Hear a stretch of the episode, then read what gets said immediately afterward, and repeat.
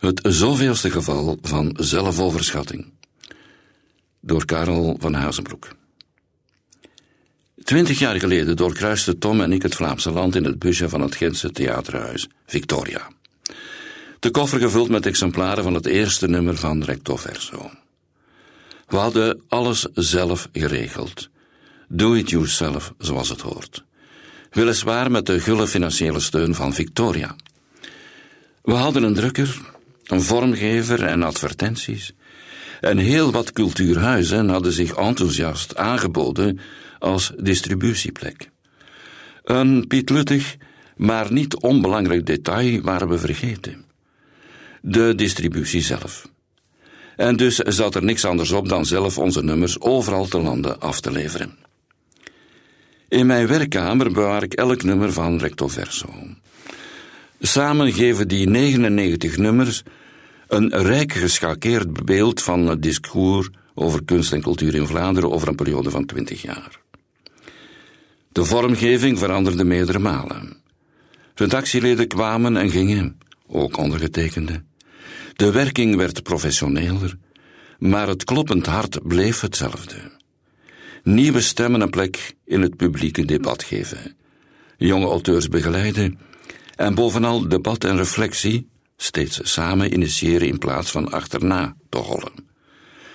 Recto verso functioneert op zijn best als een soort seismograaf, een voelspriet die ondergrondse trillingen registreert en in kaart brengt. En toch is er ook veel veranderd, twintig jaar later. De eerste inhoudstafel telt tien mannen als auteur. Karen is de enige vrouwelijke auteur. Ambitieus waren we zeker, maar een beetje blind ook. De minzame Christophe, die voor ons eerste nummer een mooi artikel schreef over vrouwen en cyberpunk, is er ondertussen niet meer. En de prachtige artiest Chris Whitley, een van de onderwerpen in datzelfde eerste nummer, stierf in 2005, twee jaar later. Ook dat is het leven.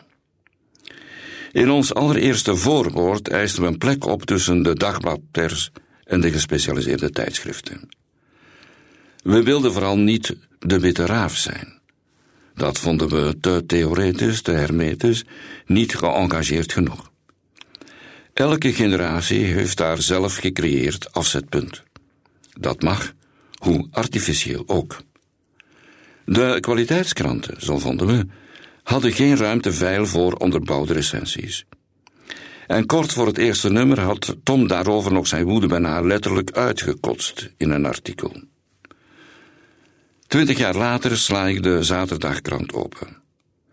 De cultuurkatern bedraagt nog amper drie pagina's. Twee pagina's met korte stukjes en sterretjes over Rock Werchter. Twee artikels over Big Tech en IE. En Oma Rempel, een recensie van een voorstelling. De letterenbijlagen zijn de laatste krimpende oases in een snel verschralend landschap. Aan de universiteiten is het al niet veel beter gesteld. Door de toenemende nadruk op externe financiering nemen en krijgen jonge onderzoekers, met name in de geesteswetenschappen, steeds minder de tijd om een eigen kritisch discours te ontwikkelen. Evaluatiesystemen belonen trendgevoelig onderzoek en dat leidt al snel tot formatering van denken en schrijven. De verengelsing van de universitaire habitus laat steeds minder ruimte voor essayistische praktijken in het Nederlands. Niet toevallig komen veel auteurs van recto verso uit de omgeving van kunsthogescholen. Twintig jaar geleden vonden we onszelf heel wat. En dat mag. En misschien moet dat zelfs een beetje. En toen de commissie zich in een verslag liet ontvallen dat de toon toch minder studentico's mocht, waren we op onze tenen getrapt. Wat dachten die wel? Uiteraard had die commissie gelijk. Recto verso was dan ook ontstaan op café, na een paar streekbieren te veel, op een moment van verdwazing en dus zelfoverschatting. Ik wens iedereen op gezette tijden zo'n moment toe. Ik heb er veel van geleerd. Ik heb er vrienden en vriendinnen voor het leven leren kennen. En ik heb ook geleerd belangrijke dingen te verdedigen en niks al te serieus te nemen. Wanneer nummer 200 zal verschijnen, viert recto verso zijn 40 jaar bestaan. Dan ben ik 65. Volgens mypension.be heb ik dan nog twee jaar te gaan. En ik stel me bij deze dan ook graag kandidaat voor het volgende themanummer over ouder worden. Karel van Hazenbroek doseert over theater en cultuur aan Université Libre de Bruxelles en Rits. Hij is actief als essayist en dramaturg en publiceerde boeken en artikels op het gebied van theaterstudies. Hij was stichtend redactielid van Recto Verso.